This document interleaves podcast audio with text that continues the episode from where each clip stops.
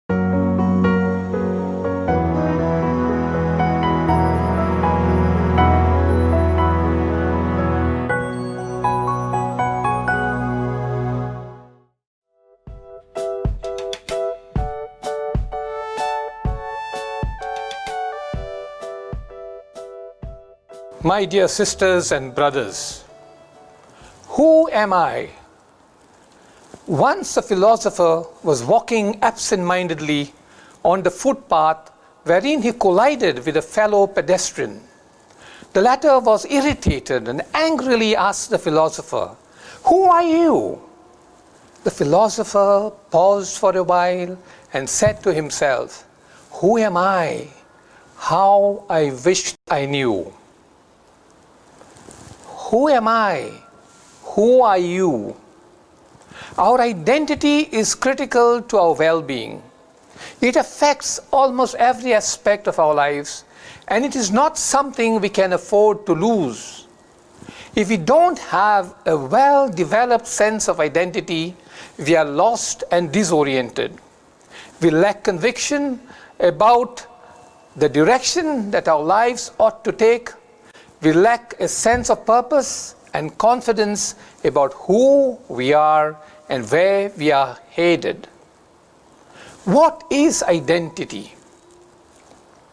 As we consider the role that identity plays in our life, it is helpful to distinguish between our identity and our sense of identity.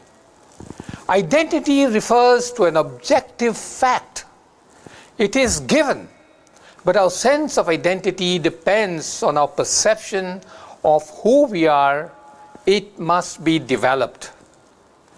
There are many stories about children being brought up by wolves, monkeys, birds, goats, and dogs. For example, we have Oksana Malaya from Ukraine, who was brought up by dogs. Oksana was found living with dogs in a kennel in 1991. She was eight years old and had lived with the dogs for six years. Her parents were alcoholics, and one night they had left her outside. Looking for warmth, the three year old crawled into the farm kennel and curled up with the mongrel dogs, an act that probably saved her life.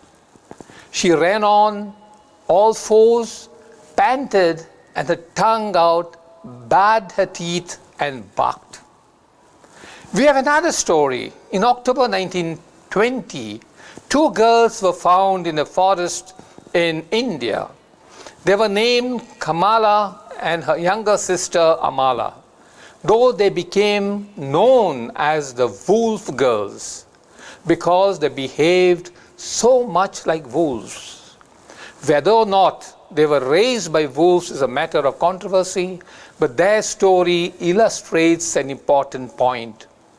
The girls couldn't stand upright, but could travel quite well on all fours.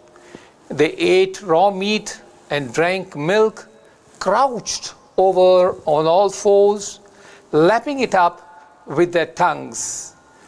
When angered or frightened, they would bare their teeth, and their only language consisted of wolf like sounds. Apparently, the girls considered themselves wolves and not humans.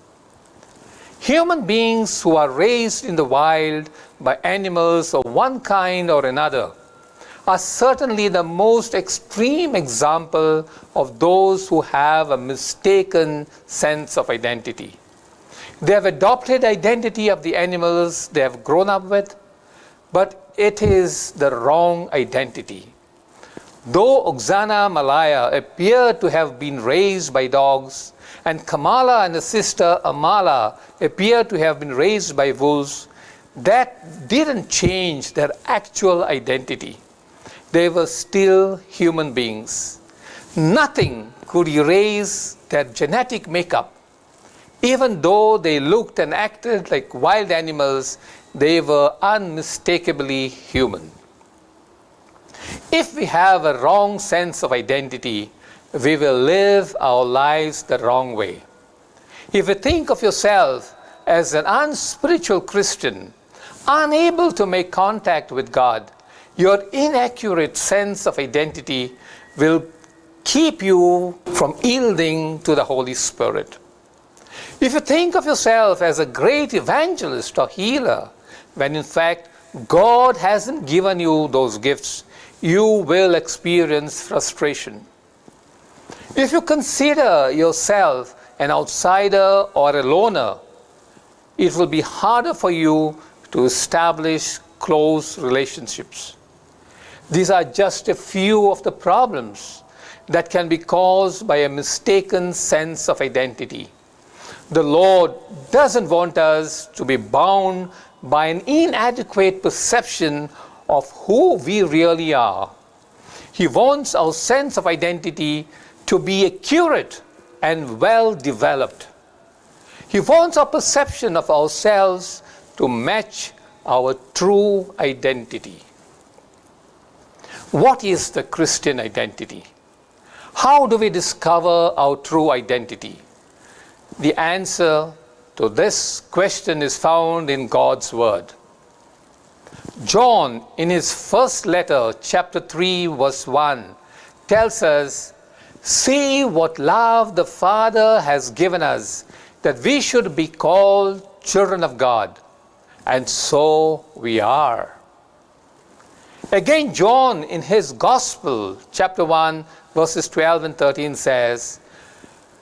To all who received him, who believed in his name, he gave power to become children of God, who were born not of blood, nor of the will of the flesh, nor of the will of man, but of God. St. Paul categorically states, in Galatians 3:26, in Christ Jesus, you are all children of God through faith. In Romans 8:15 and 16, St. Paul reminds us, for you did not receive the spirit of slavery to fall back into fear, but you have received the spirit of sonship.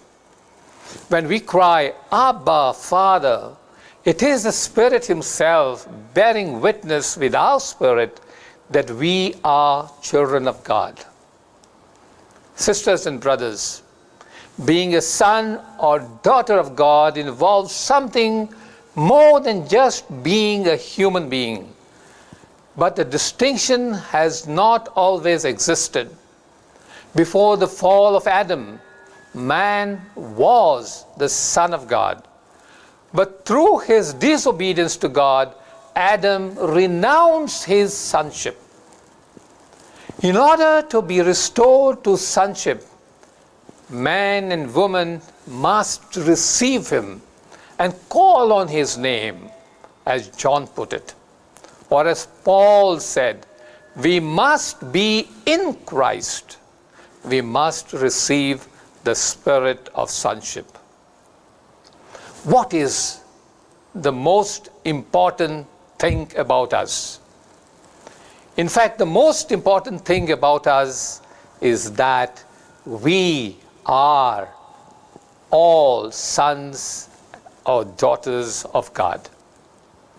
Again, Jesus provides the example. His identity was composed of several facets. He was a Jew, a carpenter, a rabbi, a worker of miracles, the son of Mary and Joseph? He didn't deny any of this. But when asked, Who are you? Jesus identified himself primarily in terms of his relationship with God the Father. The same thing is true for you and me.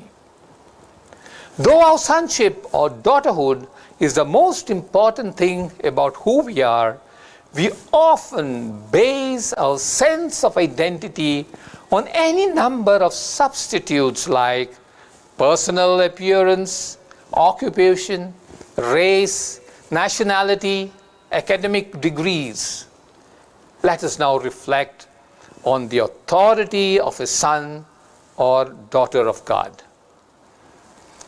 Jesus bore the authority of his Father in heaven. He knew that he was backed up by his Father's authority.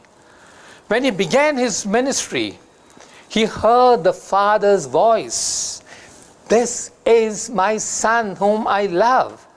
With him I am well pleased. Matthew 3 17. Later on, when Moses and Elijah appeared with him on the mountain, he heard his father's voice again, instructing his disciples This is my son, listen to him. Matthew 17, verse 5. When Jesus commanded a demon to leave a man in Capernaum, the people were amazed and asked each other, What is this? A new teaching? And with authority, he gives orders to the evil spirits and they obey him. Mark 1, verse 27. Consider the response of Jesus to those who question his authority to forgive the sins of the paralytic. But that you may know that the Son of Man has authority on earth to forgive sins, he said to the paralytic, I tell you, get up, take up your mat, and go home. Mark chapter 2, verses 10 and 11. Sisters and brothers, because we share in Christ's sonship, we share also in the authority of his Father and ours. When the 72 disciples returned from their mission, he told them, I have given you authority to trample on snakes and scorpions and to overcome all the power of the enemy. Nothing will harm you. Luke 10 verse 19. How do we exercise our authority?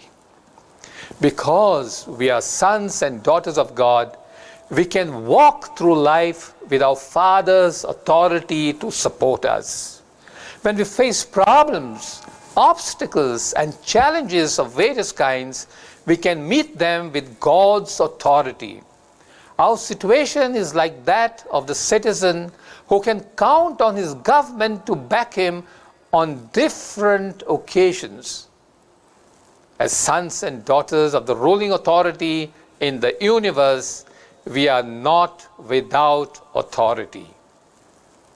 When we face obstacles, or threats or tenacious problems, whether they are caused by the evil one, by our own sin, or by unruly emotions, or by difficult circumstances, we don't have to succumb to them as we did before we were God's children. We can face them as sons and daughters who bear their father's authority. When Jesus confronted the work of the evil spirit, he never negotiated with it. He took authority over it and commanded it to leave. Jesus emphatically tells us in Luke 10, verse 19, that we have the authority to overcome all the power of the enemy. Of course, our authority is not to be exercised indiscriminately. Though Jesus had the authority to turn stones into bread to satisfy his hunger in the wilderness, he refused to exercise it. Since his father owned the temple, he was not obliged to pay the temple tax, but he paid it anyway. The principle by which Jesus seemed to operate was this He exercised his father's authority as his father's personal representative. In other words, he wielded his authority on behalf of his father's interest and not merely his own. Sisters and brothers, what is the inheritance of a son and daughter of God?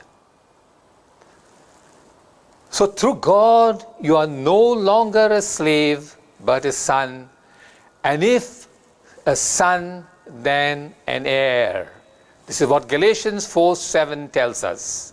In St. Paul's mind, sonship necessarily implied an inheritance. If you are a son, he argued, then you are an heir. He wrote the same thing to the church in Rome.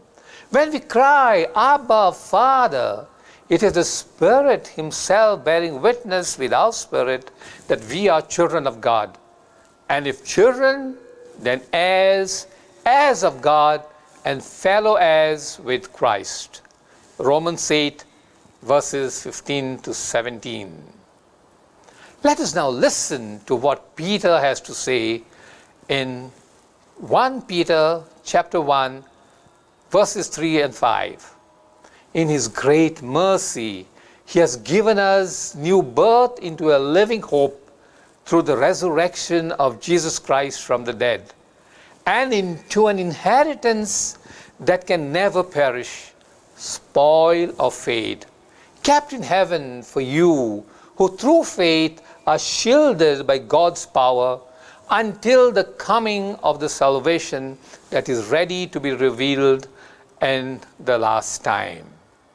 St. Peter tells us that we have been given a new birth into an inheritance.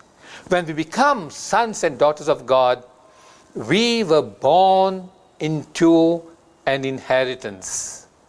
The inheritance results from the new relationship we have with God and we will receive the full inheritance at the coming of salvation that is ready to be revealed in the last time.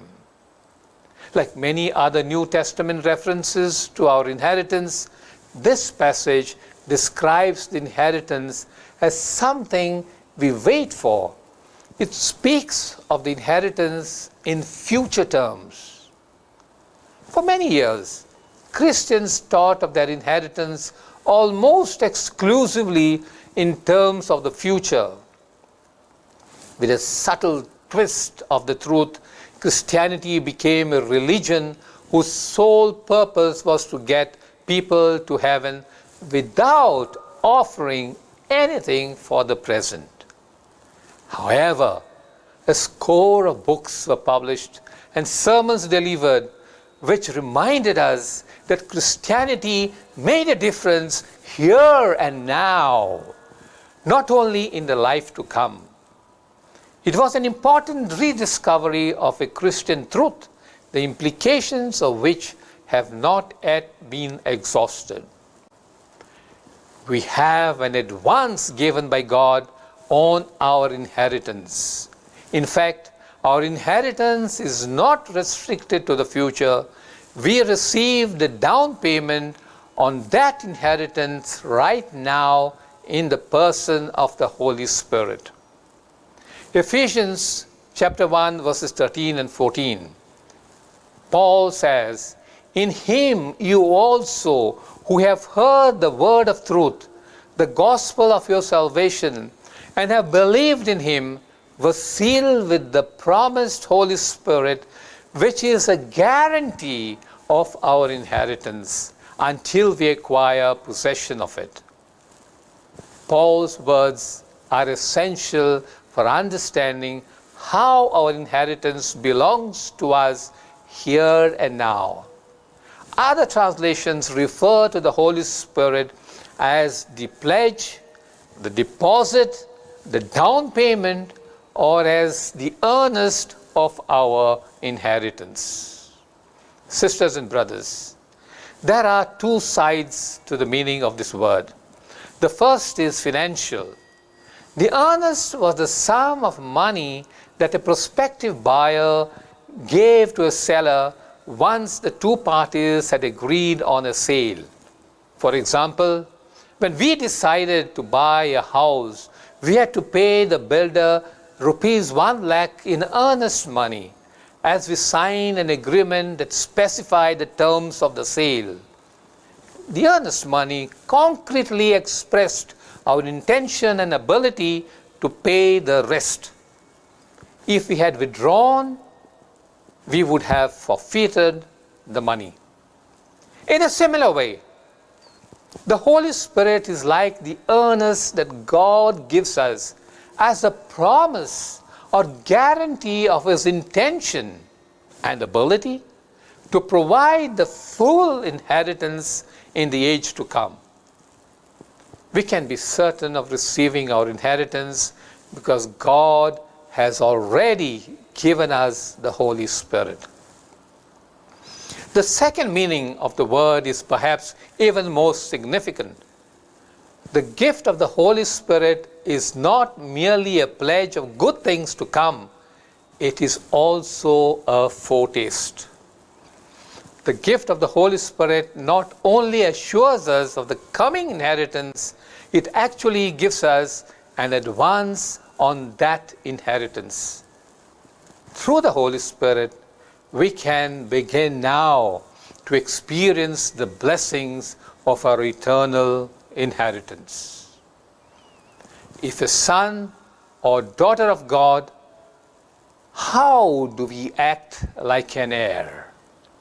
St. Paul in Colossians 3:24 states, "Whatever you do, work at it with all your heart as working for the Lord, not for men, since you know that you will receive an inheritance. Our inheritance is not meant to be a well-kept secret.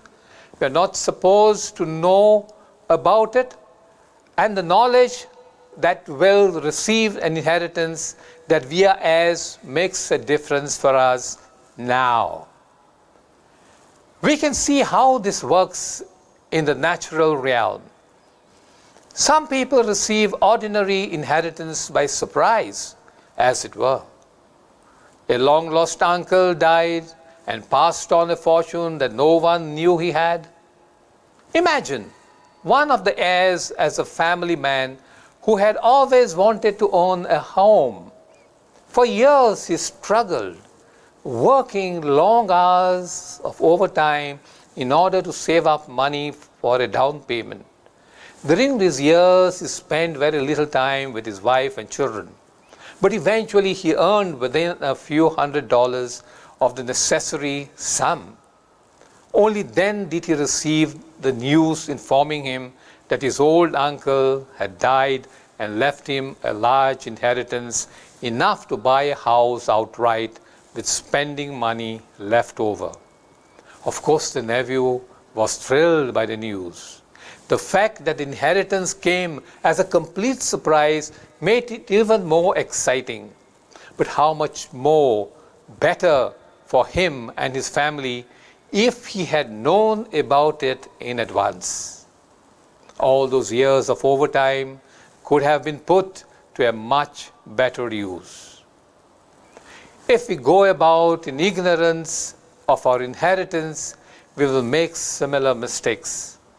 There are some things God wants to give us as part of our inheritance that we would otherwise be tempted to work for take eternal life and redemption, for example.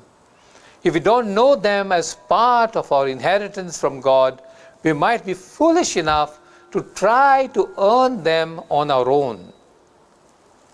We are to be men and women who know that they will receive an inheritance and who plan accordingly. Sisters and brothers, don't be an anxious heir. If we understand what that we are heirs of God, we will receive what might be called a secondary benefit freedom from anxiety. The same God who has promised to give us his kingdom will certainly take care of us now. If he will provide for our future needs, He will take care of the present as well. The knowledge of our inheritance is meant to set us free from self concern. In Matthew chapter 6, verse 32, Jesus tells us, Your heavenly Father knows that you need them all. He has already committed inheritance to you. and send the Holy Spirit as the down payment and a foretaste of things to come. Sisters and brothers, in Luke 12, verse 32, Jesus told his disciples, Fear not, little flock, for it is your Father's good pleasure to give you the kingdom. Our Father doesn't pass on our inheritance grudgingly. The Lord says, Give, and it will be given to you. A good measure, pressed down, shaken together, and running over, will be poured into your lap. Luke 6 38.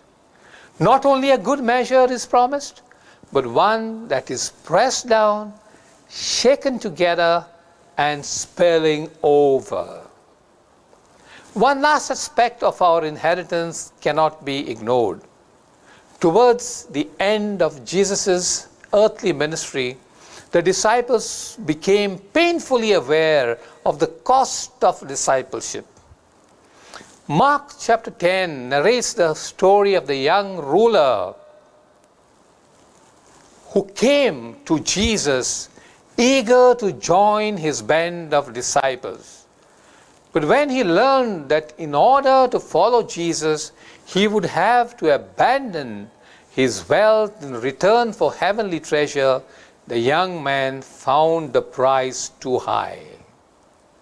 At this point, Peter unabashedly asked the Lord, Lord, we have left everything and followed you. Mark 10, verse 29.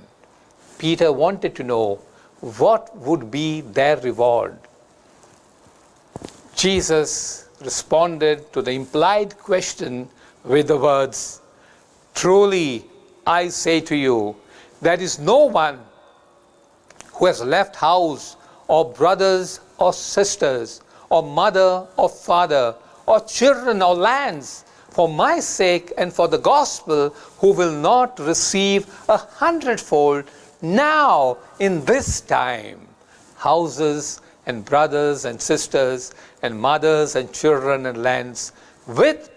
persecution and in the age to come eternal life mark 10 verses 29 to 30 sisters and brothers this is probably the most comprehensive description of our inheritance as sons and daughters of god It includes three elements the blessings of life in the kingdom here and now, eternal life in the age to come, and persecutions. Most of us would probably prefer to ignore the third in the hope that it would simply vanish. But it is as much a part of our inheritance as the first two elements. Jesus warned his disciples if the world hates you, know that it has hated me before it hated you. John 15, verse 18. In fact, we must accept suffering for the cause of Christ if we are to receive the other aspects of our inheritance. The verse we have already considered in Romans, which, be, which begins by saying, We are children of God, and if children, then heirs, heirs of God, and fellow heirs with Christ, goes on to say, Provided we suffer with Him, in order that we may also be glorified with Him.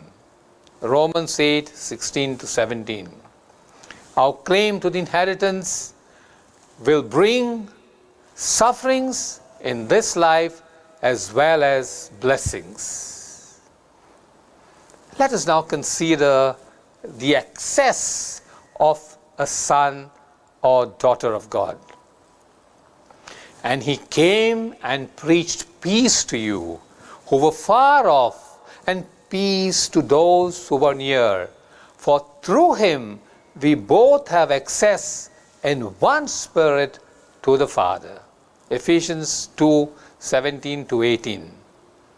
God's sons and daughters have access to Him. For example, you don't get direct access to the president. You are only a citizen. But we, God, we have direct access because we are His sons and daughters. We must be careful to see that this access does not slip into a casual or a light hearted relationship. This high God theology would have us imagine that we can approach God as though He were our closest buddy. It claims that we have no reason to fear God, because God is like an understanding grandfather who wouldn't think of hurting anyone. We are His loving sons and daughters, and we have to relate to God with reverence and awe. We are His true sons and daughters, adopted through and through. St. Paul tells us in Ephesians 1 verse 5 that in love He predestined us to be adopted as His sons through Jesus Christ. When we were adopted into the family of God, we received the four blessings of sonship and daughterhood identity, authority, inheritance, and access. A closer look at the significance of adoption will lead us to a better understanding of who we are as sons and daughters. of God, adopted by God. It is fairly common for young children to tease one of their siblings that he or she was adopted in order to make them feel inferior, different, or that they don't belong to the family. In this case, adoption is seen as a second-class position, inferior to that of being a natural offspring. But those who have actually been adopted often think of it much differently. There is a person who takes pride in the fact that his parents went out of their way to choose him. Our adoption into the family of God is a matter of God's own choice. This is clear from the context of Ephesians 1 verse 5. For he chose us in him before the creation of the world to be holy and blameless in his sight. In love, he predestined us to be adopted as his sons through Jesus Christ in accordance with his pleasure and will. We like to think of our relationship with God as something we choose. But from God's perspective, Our choice is merely our response to His choice. As Jesus said, "You did not choose me, but I chose you." John 15 verse 16. No one stumbles into the family of God by accident. We are God's sons and daughters by invitation only. Sisters and brothers, God gives his sons and daughters a clean slate. Now, what do I mean by this? Under the ancient Roman law, adoption involved a radical legal change, partly because Roman fathers had absolute legal control over the lives of their sons. As long as the father was alive, the son's life was under the, his authority. The son's age or social status did not affect the father's power over him. Since the father's power was also so complete, adoption was an extreme measure. After the son was adopted, he gained the full rights of the natural son. He had the same place in the family, inheritance rights, family privilege, and so on. the adopted person's past life was completely erased. Even his past debts were cancelled. According to the Roman law, he was a different person. The adoption practices of Paul's day illustrate the kind of change that has taken place in our relationship to God. In our former condition, We were under the control of the prince of darkness. Our entry into God's family by adoption signifies a complete and drastic change. For our Father now has complete rights over us. He is in charge.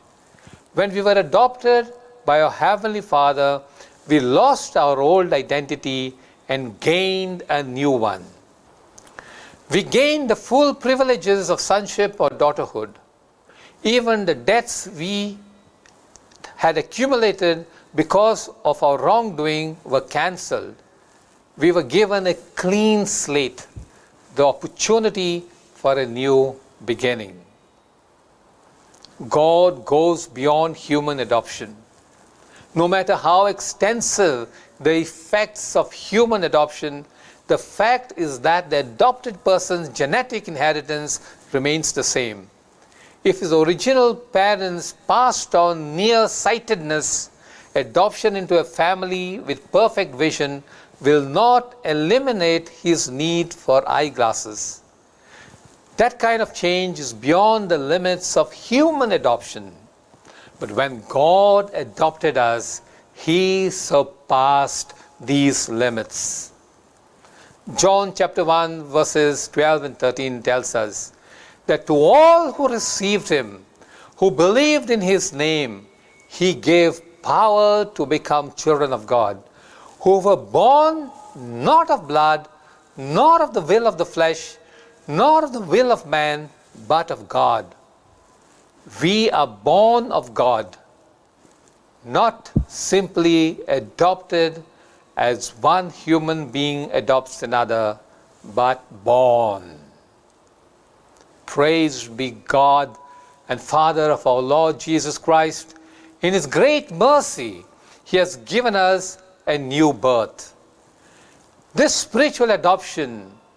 adoption into the family of God, can only be accomplished by a new birth.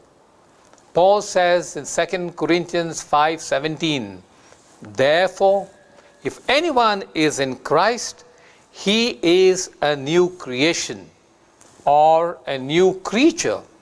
The old has passed away, and behold, the new has come. A son of God or a daughter of God is not an old creature in a new relationship. He or she is, is a new creature in the new relationship with God. But how many of us think of ourselves as old creatures who have somehow been brought into this new relationship with God? We see that we were seriously blemished and tainted creatures, and that we were brought by God's grace into a new relationship with Him. But then we make the mistake of thinking that we are the same old creatures, only now. God is somehow able to put up with us. This line of thinking will inevitably undermine all that Scripture teaches us about our identity as sons and daughters of God. We will find ourselves believing only half of what the Lord has told us about who we are. It is easy to think that when a person becomes a Christian, he isn't actually all that different because, in many respects, he isn't. His appearance, his voice, and many of his personality traits don't necessarily change. Even those things that do not change because he is a Christian don't all change instantaneously.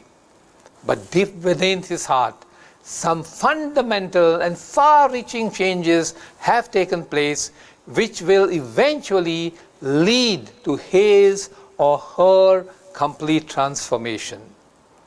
These changes are the mark of a new creation.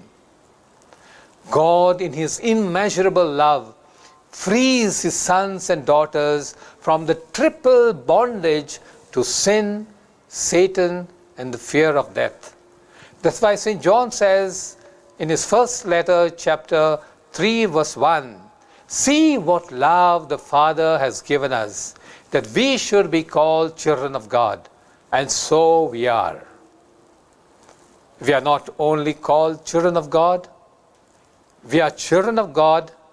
God has adopted us into His family and given us the full privileges of the sons and daughters of God.